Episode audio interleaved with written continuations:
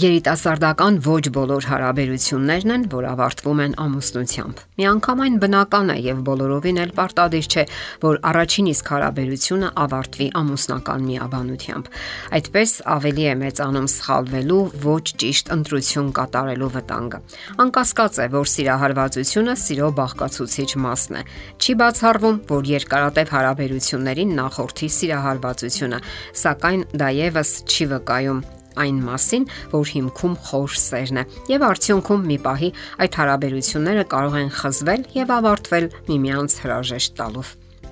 Փաստ է, որ ամուսնության մեջ առաջին հուզիչ զգացումները անխուսափելիորեն խլանում են։ Ոչ մեկն ի վիճակի չէ մշտապես մնալու հուզական լարման գագաթնակետին։ Ժամանակի ընթացքում միմյանց ընկալելու թարմությունը անհետանում է եւ գալիս է պահը, երբ ամուսինները բավարարված չեն հուզական հարաբերություններից։ Հետևանքում դարձյալ նրանք որոշում են ամուսնալուծվել։ Նրանք խզում են հարաբերությունները, սակայն մնում է կորստյան ցավը եւ շատերը լրջորեն տարապում են դրա արդյունքում։ Այսպիսով ձեր սրտում մխում են անցյալի հուշերը։ Ինչպես նվազեցնել բաժանման ցավը։ Երբ հարցը վերաբերում էր ընկերներին, դուք նման դեպքերում հարյուրավոր հիանալի խորհուրդներ եք տալիս։ Իսկ երբ հարցը ձեզ է վերաբերում, դուք կարծես ջլատված լինեք եւ չգիտեք ինչպես հաղթահարել բաժանման տառապանքը։ Սակայն հաղթահարելը շատ կարևոր է, որովհետեւ ձեզ սպառնում են ոչ միայն հոգեկան, բարոյական, այլև ֆիզիկական խնդիրներ։ Գիտականորեն դա այսպես է բացատրվում։ Հարաբերությունների ժամանակ մեր ուղեղում առաջանում են նեյրոնային կապեր, որոնք սկսում են փոկվել եւ վերանալ։ Ինչ զգացումներ են ունենում մարդիկ այդ ժամանակ։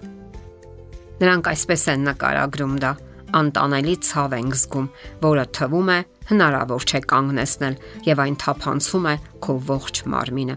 Ոմանք կարող են շնչահեղս լինել եւ խոճապային նոպաների մեջ ընկնել։ Որոշների մոտ բարձրանում է արյան զարկերակային ճնշումը, իսկ մյուսների մոտ անտանելի գլխացավեր են առաջանում, որն անցնում է դեպի աչքերը եւ թվում է անոթները պայթում են։ Ասենք որ նման դեպքերում դեղահաբերը հիմնավոր օգուտ չեն կարող տալ։ Որոշ ախտանշաններ կարող են անցնել, սակայն հիմնական բուժումը ներքին գործընթացների հետ է կապված։ Կան խորհուրդներ, որոնք կօգնեն ձեզ, որpիսի հաղթահարեք հարաբերությունների խզման պատճառով առաջացած դժվարությունները։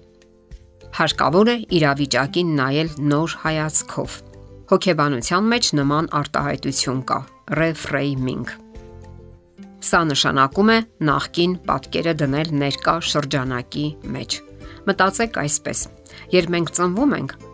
ոչ ոք մեզ չի խոստանում, որ անպայման կհանդիպենք սիրելի եւ մեզ սիրող անznավորության, սակայն մենք հանդիպել ենք, ինչը նշանակում է, որ մեր բախտը այդ հարցում արդեն բերել է։ Ոչ մեկը մեզ չի երաշխավորել, որ այդ հարաբերությունները հավերժ կգոյատևեն Ընթակառակը ողջ աշխարհը վկայում է, որ այդպիսի կայունություն գոյություն չունի։ Շատ է փոխվում, վերաձևման ենթարկվում եւ նորից զարգանում։ Դուք կարող եք փորձել գտնել բաժանության պատճառները, հաջորդ անգամ նույն սխալները չկրկնելու համար։ Նաև պատկերացրեք, որ նախկին հարաբերությունները ինչ որ կարևոր, հետաքրքիր եւ օգտակար փորձառություններ են թողել ձեր հոգում, որոնք կօգնեն հետագա հարաբերությունների ժամանակ։ Շատ մարդիկ այդպես էլ չեն կարողանում սիրել, ամուսնանալով հենց այնպես, որովհետեւ չեն ցանկանում միայնակ մնալ։ Հաջորդ խորհուրդը. Պետք չէ տանջել ձեզ։ Կարիք չկա քրքրելու հիշողությունը, փորձելով անպայման մեղավոր կամ սխալ զգալ ինքն իրեն։ Միգուցե դուք ունեք ձեր սխալները, սակայն շատ դեպքերում դրանք երկկողմանի են։ Իսկ միգուցե դուք պետք է ուրախ լինեք, որ ազատվել եք անարժան մեկից, որը չի գնահատել ձեզ եւ ձեր ջանքերը։ Միգուցե դուք տարբեր անznավորություններ եք, հոգեկան տարբեր հարթություններում է տեղի ունենում ձեր աճն ու զարգացումը, եւ դրանք երբեք այլևս չեն հատվի։ Ցանկացած մարդ ունի հոգեկան եւ մտավոր ներքին ապաշարներ, որոնք կարող են սպառվել որոշակի հարաբերությունների դեպքում եւ չլիցքավորվել։ Հաջորդ խորհուրդը՝ մի մեղադրեք ձեզ։ Հարցն այն է, որ դուք ձգտում եք լավագույնին, սակայն ինչ որ բան լավ չստացվեց։ Արդյոք դա ձեր մեղավորությունն է։ Իհարկե ոչ միշտ։ Ամեն ինչ չի որ ձեզնից է կախված եւ հանգամանքները հաճախ առաջ են ընկնում մեր ցանկություններից ու երազանքներից։ Կատարվածը հարկավոր է ընդունել որպես փաստ։ Այդպես էլ է պատահում։ Հաջորդ խորհուրդը՝ ազատագրվեք երազանքներից։ որքան էլ դրանք գեղեցիկ լինեն, իրենց մեջ անիրական տարրեր են պարունակում եւ կարող են երբեք էլ իրականություն չդառնալ։ Մեր ուղեղը կառուցված է այնպես, որ միշտ կանխատեսումներ է անում եւ մենք ցանկանում ենք, որ մեր ընկերը լինի կատարյալ ու անսխալական, ինչն իհարկե իրատեսական չէ։ Մենք այնպիսի հատկություններ ենք պատկերացնում կամ վերագրում նրան, որոնք իրականում գոյություն չունեն։ Հորինում ենք ապագայի գեղեցիկ հովվերգական տեսարաններ եւ ինքներս էլ հավատում ենք դրան։ Հետո, երբ այդ պատրանքները փլուզվում են, հենց դրանց համար ենք ողբում եւ որքան արագ հասկանանք դա, այնքան արագ կչորանան մեր արցունքները։